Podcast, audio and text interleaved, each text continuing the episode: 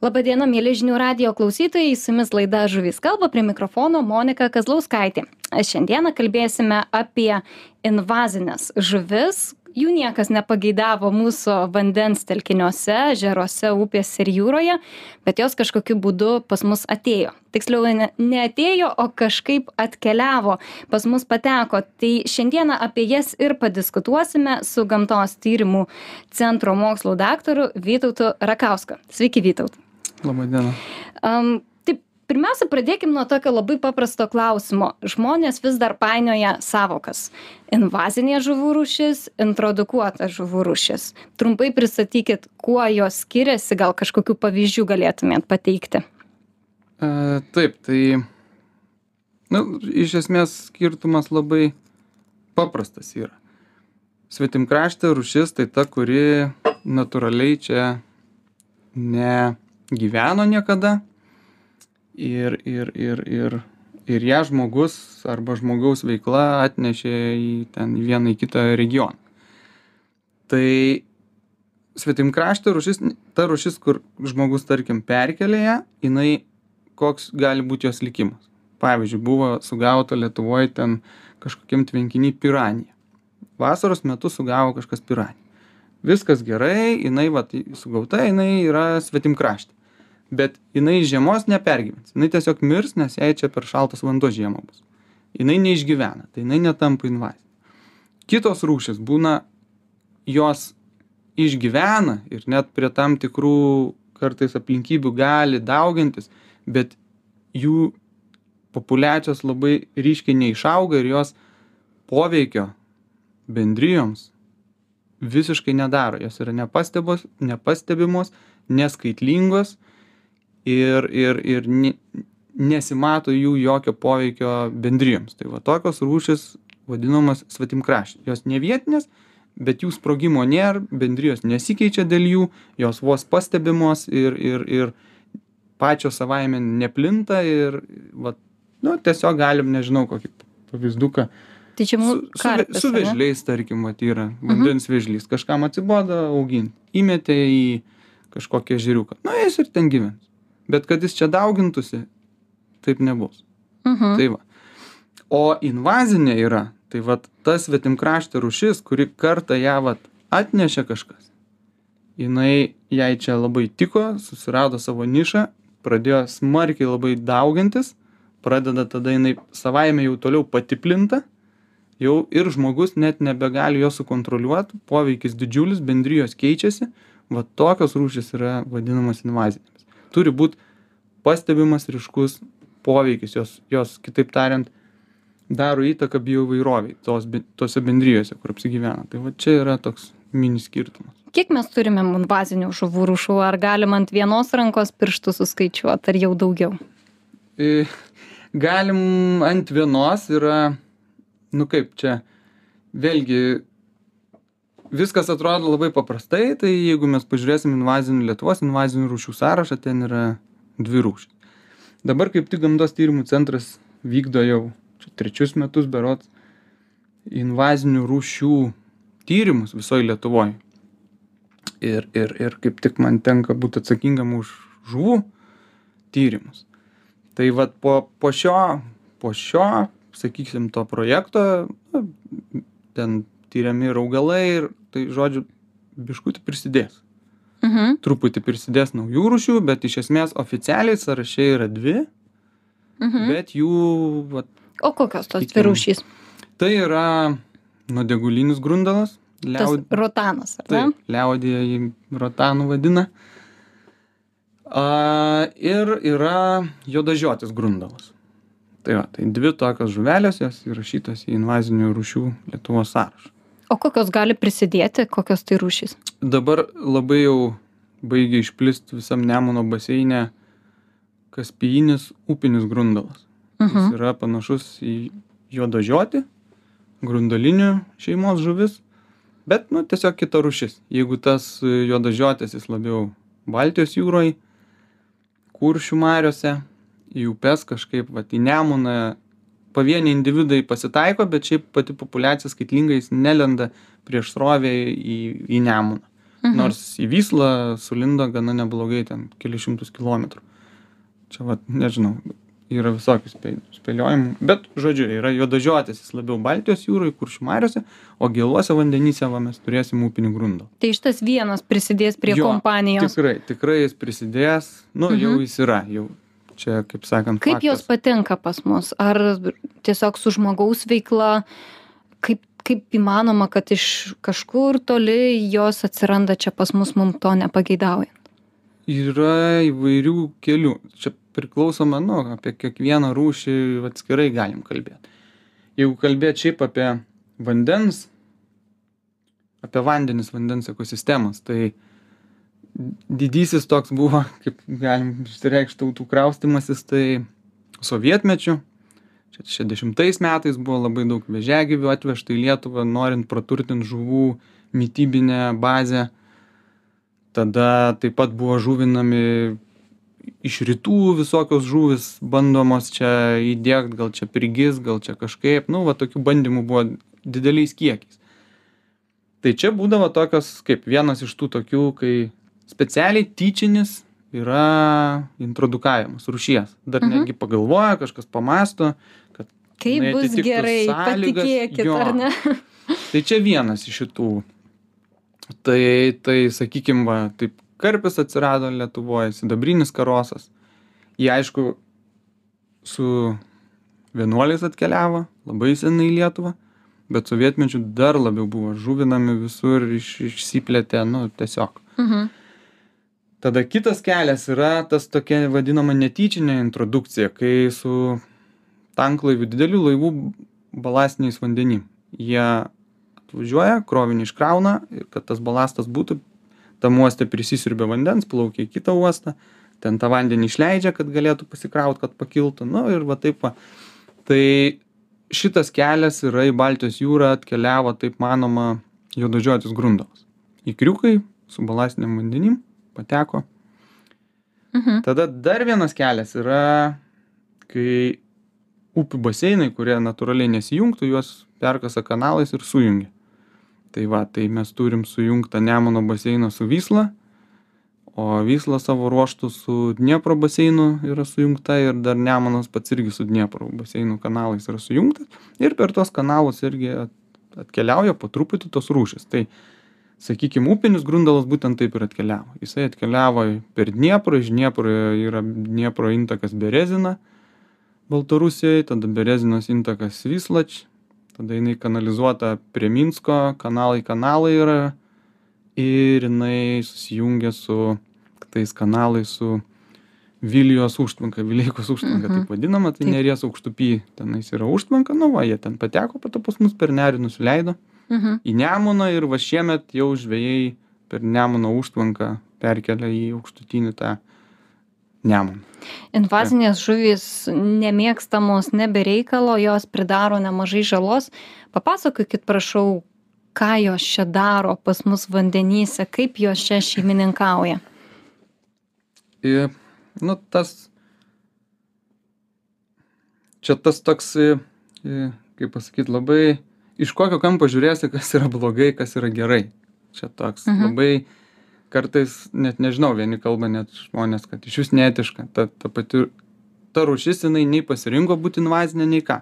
Jinai kažkur gyveno prisitaikius kažkokiam savo tam aplinkoj ir vat kai žmogus ją paėmė perkėlė kažkur jinai staiga tapo invazinė. Priešas. No- nors pati jinai net nepasikeitė. Jinai tai nekalta kad ją čia kažkas kažkur nešė pernešė tai va ir tada tą žalą tokia vat nu sakysim tokia apčiuopiama tai nu žmogus mėgsta pasakyt o žala vat sakykim kitą pavyzdį augalas yra sosnovskio barštis. Tai žala yra akivaizdi prisiliesi saulė ten pakaitins ir tau nudegimas. Skauda žaizda labai blogai.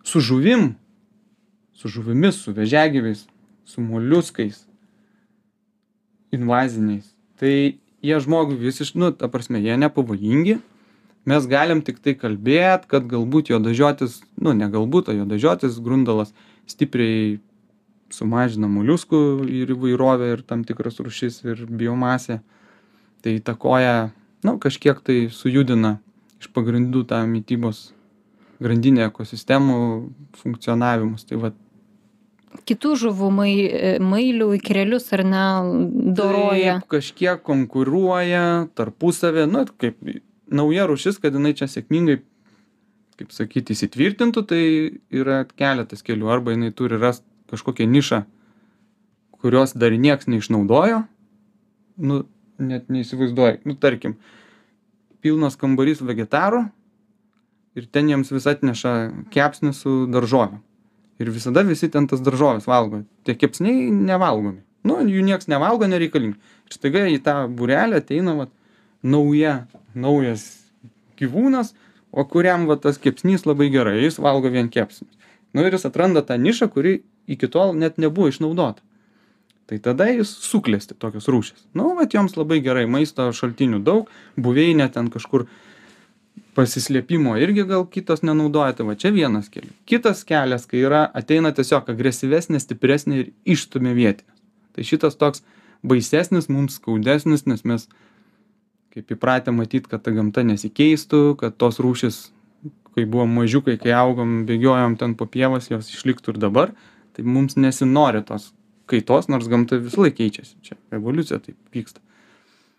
Tai va, tai, tai va, Yra net ir Europos komisijoje, tai yra Europos Sąjunga, šiandien pasiskaičiau tokį straipsnį, kad e, suskaičiavo, kad invazinės rūšys kasmet Europos Sąjungai padaro apie 12,5 milijardų eurų žalos. Na čia ne, ne vien apie žuvis, bet bendrai kalbama. Am, Ar yra skaičiuojama, galbūt Lietuvoje, kiek tos žuvys galėtų čia suvalgyti pinigų? girdėt, neteko. Viena, šiaip ta net biologinė invazija, viena iš šitų prasidėjo būtent nuo vandenų. Kai buvo patirti didžiuliai nuostoliai. Tai buvo su elodėja tokia, kanadinė elodėja. Jinai kai baigė užaugti tenais e, šito Londono uosto, čia labai senai buvo. Kai juos įplaukti laivai negalėjo dėl tų augalų. Mhm. daug. Tai vat ir kai ten toks moliuskas dreisena didžiuosius ežerus apaugo elektrinės atominės aušintuvo groteles ir net pradėjo nebeaušint. Tai va. Tai tada taip, tu, nes tu turi šalinti, eiti ir šalinti. Su žuvimis, konkrečiai kalbant apie Lietuvą, kad skaičiuotų nuostolius dėl juodažiočio grundalo, dėl upinio, neteko girdėti. Mhm. Yra kažkiek pamastymų, kad, na, tyrimų parodyta, kad kai juodažiočio buvo pikas, tai tada sumažėjo moliuskų, tų midijų jūroje, o dėl to sumažėjo ir mytyba praskrendantiems paukščiams. Bet kita vertus, juos labai mielai valgo šeriai ir starkiai.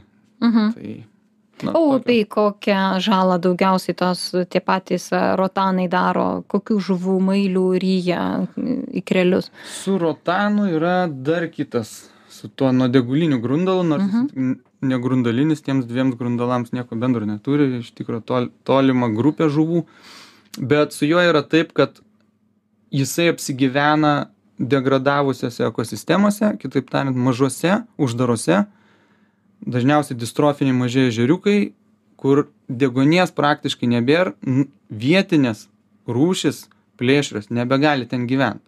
Tai jie va tokiuose bendrijose apsistoja. Tada ten išėda viską. Lieka Mhm. tik tai va šitie rotaniukai skirtingo dydžio. Tai čia žala, nu, sakykime, bioįvairoviai. Nyksta tritonai, kurie ten varliagyviai nebeneršia tokiuose, nes jie jaučia jie.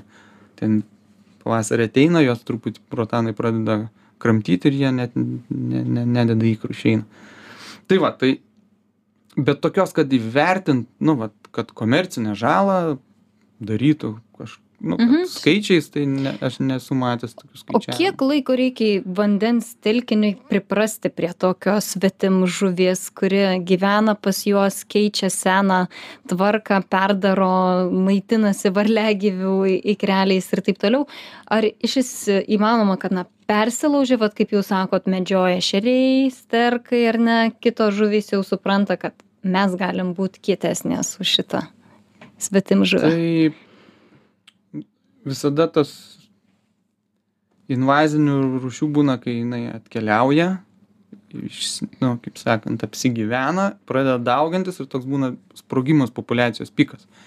po to jis susireguliuoja. Tai vat su juodažiočiu sakykim per dešim metų jau jo biškį apmažėjo ne nebe nebėra taip baisiai kaip buvo. Kitą invazinę rūšį paimkim rainuotąjį vėžį. Jis išvis spėjama kad kažkokios ligos nes pas jį būna populiacijos labai labai gauslingos gauslingos gausios ir po to jis čiut ne net sunkiai pastebimas taip nukrenta tas gausumas bet jis išlieka jis yra bet nebegausus Mhm. tai va tai irgi reikėjo kokio dešimtmečio ten taip vat buvo banga per Čia lietuvą tokiais ciklais tarsi viskas Jo. vyksta. tai čia vat galbūt nu ta kažkokie parazitai pradėjo veikt kažkokios ligos gal plėšrūnai gal dar vat nu kiekviena rūšis atskirai. Bet tarkim yra ir tokių bendrijų va kaip rotanas jis tiesiog viską išėda ir ta tokia nu jau nebėra pusiausvyrinė bendrija. Jis tiesiog viską išėda ir ten nieks ten prie nieko neprisitaikė tiesiog viskas išnyko. Mhm. tai šituo atveju tai nieks nieko čia neprisitaikė. Ir žvėjai kalba apie tai, kad na, tas pats jūsų minėtas rotanas gali tam tikros ir naudos duoti, vat, iš savo pastebėjimų, kas turi, ar tai prūdė augina žuvis, kad jeigu atsiranda rotanas, jisai lyg ir padeda kontroliuoti tą sidabrinių karosų populiaciją, nes anksčiau sako, kai nebuvo tų rotanų, tai karosų buvo belekiek, jie buvo visi tokie nei šiokio, nei tokio dydžio, o vat atsiradus rotanui, tai atsirado lyg ir pusiausvyrą kažkokia, tai galbūt tos žuvys kažkokios ir naudos Tai gali čia duoti. yra kaip susidūrėm mes va kai su šituo kad e, kai pradėjom tą invazinį projektą seniau dar man teko dirbt ir su žvejais kalbėtis tai žvejai jo sako nes mes dar ir visai neblogai atlikom tyrimus kaip išnaikint tuos rotanus su biomanipuliacija kai vietiniam lydekom gausingai įžuvini kelis metus iš eilės ir ešeriai tai juos išėda. Nu tiesiog problemos nebėra ir tu nereik nei nuodyt ten nieko. Nu tiesiog taip biologiškai sunaikini bet e, susidūrėm su toju kad žvejai sako ne ne palikit bent jau keletą kūdrelių kur jų yra. Nes nu kaip ne neapsiverčia liežuvis meluot bet esmė tokia kai yra distrofinis vandens telkinys jame yra karosai ten deguonies nėra plėšrūnų nėr nieks tų karosų nebereguliuoja jų pradeda daugėt maisto pradeda trūkt jie nustoja augt jie yra maži ir visą energiją skiria dauginimuisi ir tada gaunam tikrai balos su labai labai daug mažų karosiukų. Nei jie ten auga nei ką žve žvejams tas neįdomu ir dar tas karosiukas mažas jis ir žiemą nekimba. Prisileidi rotanų tie rotanai pradeda valgyt tuos karosus rotanas ir žvejot jis toks nu kaip ešerys staigiai puola viską ten net van pirštą įkiši pateliūskini jis puola tą pirštą čiumpa ir žiemą Vis- jie visavalgis. kimba. Taip taip jis toks agresyvus.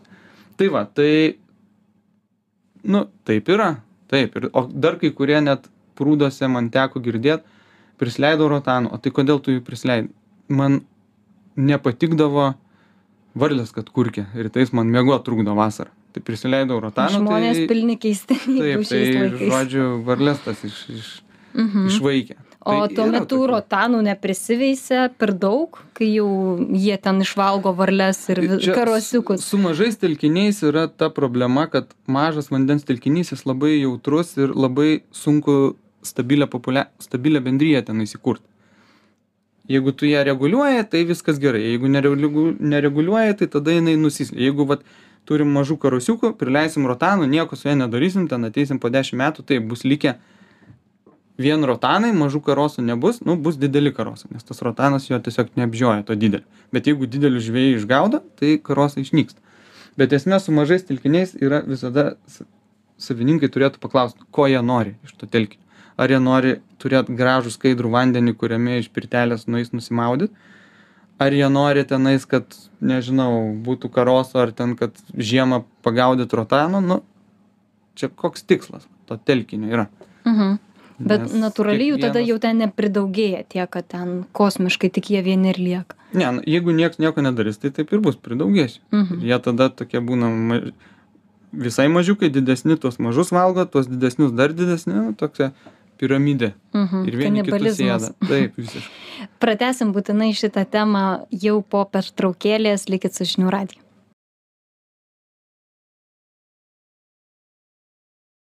Sveiki sugrįžę į laidą Žuvys kalba. prie mikrofono monika kazlauskaitė toliau kalbinu gamtos tyrimų centro mokslų daktarą vytautą rakauską apie invazines žuvų rūšis kalbėjome apie rotaną man yra įdomu jūsų pasiteirauti apie rytinį gružlelį jisai irgi anksčiau buvo invazinė žuvų rūšis ir ten įvairiausios informacijos apie jį buvo jūs jo ir pokalbio pradžioje nepaminėjot ar mes jau jo nebeturim Taip, su, su rytiniu gružleliu yra tokia situacija. Jis yra Europos bendrijos svarbos invazinė žuvų rūšis. Jis buvo kažkada pasirodžius Lietuvoje, bet ir išnyko, keliose vietose buvo vėl pakartotinai užvežta, vėl išnyko. Ir ką dabar, kokią situaciją turim, e, kad e, rytinį gružlelį atsiveža su į Lietuvą su amūrų mailiumi. O amūrus mėgsta žmonės na kai nori sureguliuot vandens augalus telkiny prisileidžia amūrų kad jie suvalgytų tą žolę tai amūras yra labai populiari žuvis o jinai yra svetimkraštė bet jinai lietuvoj nesidaugina. Va tas vat kur ga galim dar aš kaip tik sureguliuot. šiandien mačiau socialiniuose tinkluose kad žmogus nufotografavęs ant rankos rytinį gružlelį ir klausia ar čia tai amūras. Tai Taip. reiškiasi kad tikrai ir šiandieną vis dar Taip, ir tai vat, ir vat būtent dabar labai pastaraisiais metais išplito tas, tuos amūrus žuvina jauniklius, kitaip tariant, mes tokį terminą turim 0 plus, dar net vienų metų Mhm. visiškai, ir tada jų neina atskirti nuo tų rytinių gružlelių. O jie ten dažnai kartu auga tuose auginimo tvenkiniuose, žuvininkystės ūkiuose ir va tokių prisigaudo jie mažų, persiveža, išsižuvina ir po to jo sako. parduoda "O, kaip už gerą pas mus išsineršia amūrai sakau nu tai jau rytinį gružlelį turit nes amūrai lietuvoj niekaip negali ir Mhm. ir žodžiu tai va tai plinta bet vienas dalykas kai plinta po uždarus tas telkiniukus ežeriukus kudrytes nes tas rytinis gružlelis irgi jeigu yra natūraliai plėšrūnų jis ilgai neiš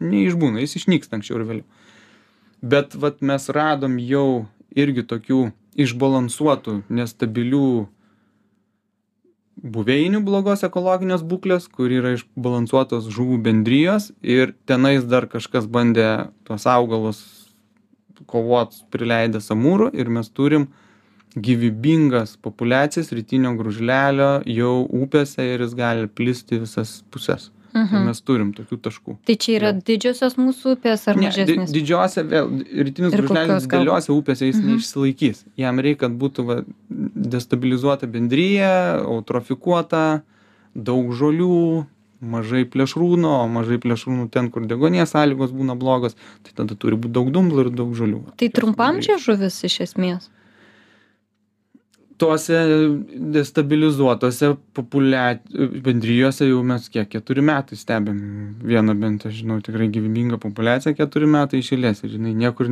tai reiškias neišnyksta reiškias jinai turi potencialo Mhm. plėstis ir aš skaičiau kad rytinis gružlelis turi tokią bėdą jam kaip ir ne bėda jis turi tokį parazitą kuris lyg ir jam pačiam nekenkia bet perduodamas nesunkiai kitom žuvims. Ar taip iš tiesų yra? Galbūt jūs kažką esat girdėjęs? Aš net kaž aš turiu pasižymėjus tuoj sekundėlę gal pavyks surasti ir pavadinimą kaip vadinasi tas e, būtent žuvų parazitas pirmuonis o jetau čia lotyniškas pavadinimas e, sfaratofekum destreus aš nežinau ar aš teisingai perskaičiau bet iš Žinokit, esmės tai gali būt mes va dabar vat turim tokį gamtos tyrimų centrą čia vykdom ir žuvų parazitų tokį projektą. Labai įdomus nes su žuvų parazitais penkiasdešim metų kažkur lietuvoj išvis nieks nieko nedarė net nežino vat naujos rūšys atnešė kažkokių naujų ligų neatnešė ar jos serga vietinėmis parazitais apsikrečia ar neapsikrečia ir vat nu mūsų ta prasme tyrimų plane dar šiemet vat važiuoti iš tos populiacijos gyvybingos kur žiūri žinom jau keturis metus natūraliai gamtoj gyvena ir tirsim vat kokius parazitus. Tai vat ir pamatysim tada ar atsinešė tą va parazitą ar neatsinešė kaip yra su mūsų sidabriniu karosu? Jisai pas mus yra neinvazinis jisai pas mus atvežtas ir iki šiol sėkmingai žuvinama. Tačiau yra gerai žinoma kad jis labai didelę konkurenciją padaro mūsų vietiniam auksiniam karosui ir pamažu jau jį išstumia. Tai reiškiasi kad ši populiacija jau pamažu susiduria net ne pamažu galbūt sakyčiau greitais tempais susiduria su iššūkiais ką daryti su tuo sidabriniu karosu ar čia yra koksai vaistas šitoj vietoj? Vaistas vaistas tai vandens ekosistemose sunku su tais vaistais nes nu ne labai sunku vieną žuvį naikint kitų nenaikinant. Tiesiog. O su sidabriniu karosu vėlgi čia vat irgi yra net nežinau tokiu atveju ką pasakyt nes iš esmės jeigu mes žiūrim apibrėžimą kas yra invazinė rūšis invazinė rūšis yra ta kuri yra svetimkraštė čia labai dauginasi labai išplitus ir daro pastebimą poveikį.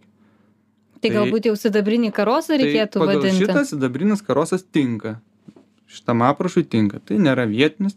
Tik aišku jis labai seniai pas mus čia atvežtas bet bet jis tuos atitinka. Mhm. bet kitas dalykas vėlgi jeigu va čia gal čia tas pavyzdys kur invazinės rūšys ar gali duot naudos. Tą karosą mėgsta augina žmonės valgo kepa rūko. Bet bet tą aspektą ką paminėjot kad jis išstūminėja tą mūsų paprastąjį karosą tai taip va mūsų ir tyrimai su kolegomis gamtos tyrimų centre pas mus ir didelė laboratorija daug ten žmonių tai visi tą gali patvirtint visi susiduria iš esmės buveinės kuriose turėtų gyvent tas paprastas karosas kitaip dar vadinamas auksiniu yra dauguma jų užimta sidabrinio karoso. Ir mažuose telkiniuose jie netgi hibridizuojasi ir išvis išstumiamas auksinis. Taip. Ir jeigu neklystu valstybiniai mūsų vandens telkiniai iki šiol žuvinami sidabriniais karosais. Dabar man atrodo jau šitas pakoreguota kaip ir su karpiais jau žiūri. Jeigu tenais prieš tai buvo didelės populiacijos nu jų vandens telkinys uždaras ir jau sen nuo seno jie ten gyvena ir jų labai daug. Tai tokiu atveju jeigu ten savininkas nori toliau ten kažką su karosais tai žuvinam čia kaip ir panašiai su karpiais. Bet kad leistų juos kaip seniau ir į upes ir į tvenkinius pratekančius ten kažkur tai tas turėtų jau būt pasikeitę. Kokios nors yra priemonės kaip kovoti su svetimžuviem mūsų vandenyse? Ar tiktais gaudymas ir pasiėmimas tos žuvies sau jau jos nereikėtų paleisti atgal į vandenį o galbūt jūs kaip mokslininkai kažkokių kitokių jau priemonių esat atradę?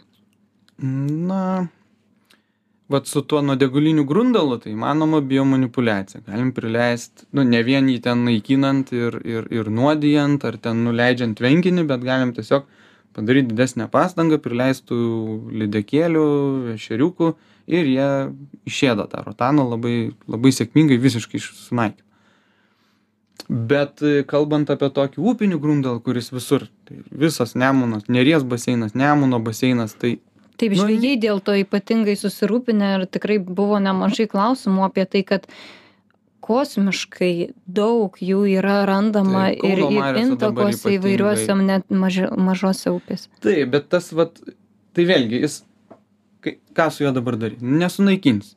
Aš čia gal, nu, iš tokių humaniškos pusės, va, teko stebėti, kai dar juodažiotis tik prasidėjęs, tik atėjęs buvo. Ir ten kažkas tai žvejoja ant molo nidoje, ištraukia tą juodažiotį grundaliuką ir tai čia blogas, ant asfalto su kojom trypt, arba jį ten numeta, ta žuvis ten kankinasi, miršta po truputį. Nu, tai prasme, kad tu ten sutrypsi vieną ar du, nuo to ni- niekas nebepasikeis. Tu iš bendrijos, tokio iš nemuno, tu jų neiškrapštysi. Viskas, jie yra. Tai dabar tą žuvytę, kaip sakyti, ten po vieną eiti ir mokyt vaikus, kaip ten jai akis lupt, nu tai gal ir negražu. O bet su upiniu grundalu yra kažkaip kitaip, jo tikrai labai didelių koncentracijų nėra mhm. upės. Jie šiaip visur, nu, jiems tinkamoji buveinė yra, bet nėra, kad labai būtų labai labai labai skaitlingas. Ir pakalbėkim apie tokias žuvų rūšis vėlgi jinai nėra pas mus invazinė bet kaip ir prieš laidą diskutavome kad yra prekiaujama būtent tais šiaurės amerikos šamais.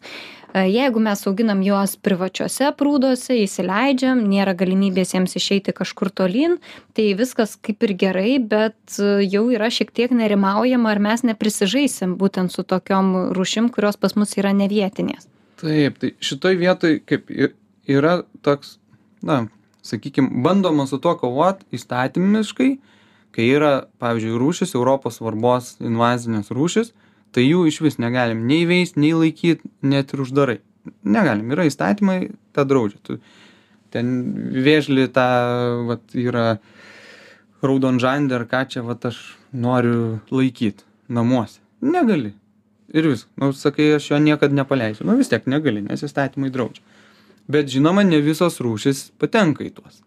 Tai tai va tai čia toks turėtų nu ta kaip ir turėtų veikt kad tos potencialios kurios galėtų čia išgyvent tai jų gal nereiktų leist bet kita vertus verslo gi neapribosi. Mhm. tai ką dabar šamų šamų augint negalim ir valgyt Jūs minėjot lygtais, kad Lenkijoje jau yra, pietų Taip. Lenkijoje vandens telkinių, kur jau patys natūraliai veistis pradėjo. taip yra yra jau ir ir ir na ir jie irgi žiūri vat kaip ten poveikis ką jie daro kaip ten daro Mhm. Bet jie iš esmės pan, panašus kaip mūsų vietiniai šamai. ne jie biškį skiriasi jie tokie dideli neauga biškį aktyvumas jų skiriasi bet taip dabar taip visiškai jų ekologiją giliai giliai Mhm. palygint tai ne iš atminties taip negaliu Apie vandens augalus. Ar mes turim invazinių vandens augalų? Laida apie žuvis, augalai vandens irgi labai Turim. arti to. yra vėlgi žiūrėt tą sąrašą oficialų yra va pa pavyzdys geras kanadinė elodėja Mhm. labai senai irgi patekus tokia maža povandeninė žolytė yra kai kur labai gausi Ir kur jinai daugiausiai auga? eutrofikuotuose telkiniuose bet gan labai paplitus nuo šaltavandenių upelių aišku tada jau ne ant srovės jinai auga sūkuriuose duobėse kažkur tai o yra ir ežeruose apdumblėjusiuose tvenkiniuose O čia vėlgi plačiai. žmogus ją atvežė? Ar... žmogus kanadinė lodėja pateko labai dar seniai kalbama kad vikingai irgi kaip rinkdavo akmenis laivo balastui palaikyt nu ne vandenį tada akmenis kraudavo. Na ir prirovė prirovė su ta persiplukdė po to išmeta akmenis vat ir jinai.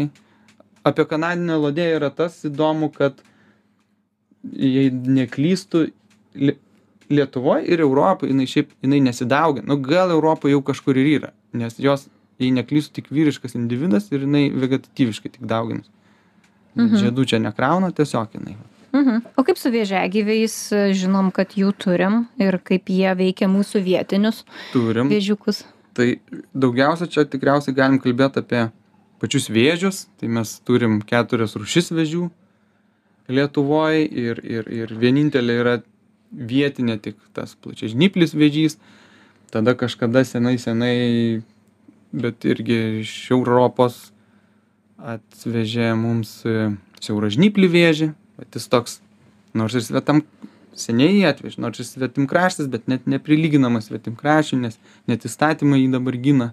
Nu jis toks nesiplėtė labai.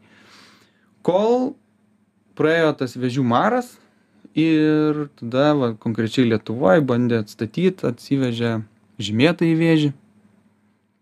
O jis jau išplito po upes gana stipriai ir o per kanalus iš vyslos iš europos pas mus irgi atkeliavo rainuotasis vėžys ir Mhm. šitos dvi vėžių rūšys jos nešioja perneša vėžių marą kuris yra visiškai mirtinas mūsų vietinėm rūšim ir todėl to pasekoje gavosi kas kad plačiažnyplis yra raudonoj knygoj ir jo gaudyt dabar negalim Mhm. nes baigia išnykt Realiai tuomet, ar ne, vienus galima gaudyti ištisus metus praktiškai, ar ne, bet jie tą marą patys perneša, ar jie užkrečia kitus, kitus vėžius ir patys nugaišta, ar jie tik tai išgyvena patys tą marą? jie jų kaip populiacija su tuo maru užsikrečia jų ten tik dalis nu silpnesni išmiršta bet šiaip jie tada tampa nešiotojais Mhm. ir jie tada patys nuo jo nemiršta bet tada ta spora gyvybinga vandeny tai yra grybelis vandens grybas ir ir ir tada tie visi vietiniai jau viskas krenta kaip lapai Pabaigai noriu jūsų paklausti, pas mus klimatas šyla, ar ne, tie tų daugiau oro pokyčių vis kas metais vis daugiau turim. Kiek tai mums gali atnešti tų svetimų rūšių į mūsų vandenis? na čia toks kaip pasižiūrėt istoriškai tai kaip tos invazinės rūšys atkeliavo pas mus. Tai jos labiau tos vat žinomos kurios ar svetimkraštės tai jos buvo arba tyčia perneštos arba atėjo kanalais bet tai nebuvo susiję kad labai čia šiltėtų. Na žinoma jeigu mes neisim taip toli kai kai ledynai at nu Taip. užslinko po to jie atsitraukia tada visos rūšys nu iš naujo atėjo.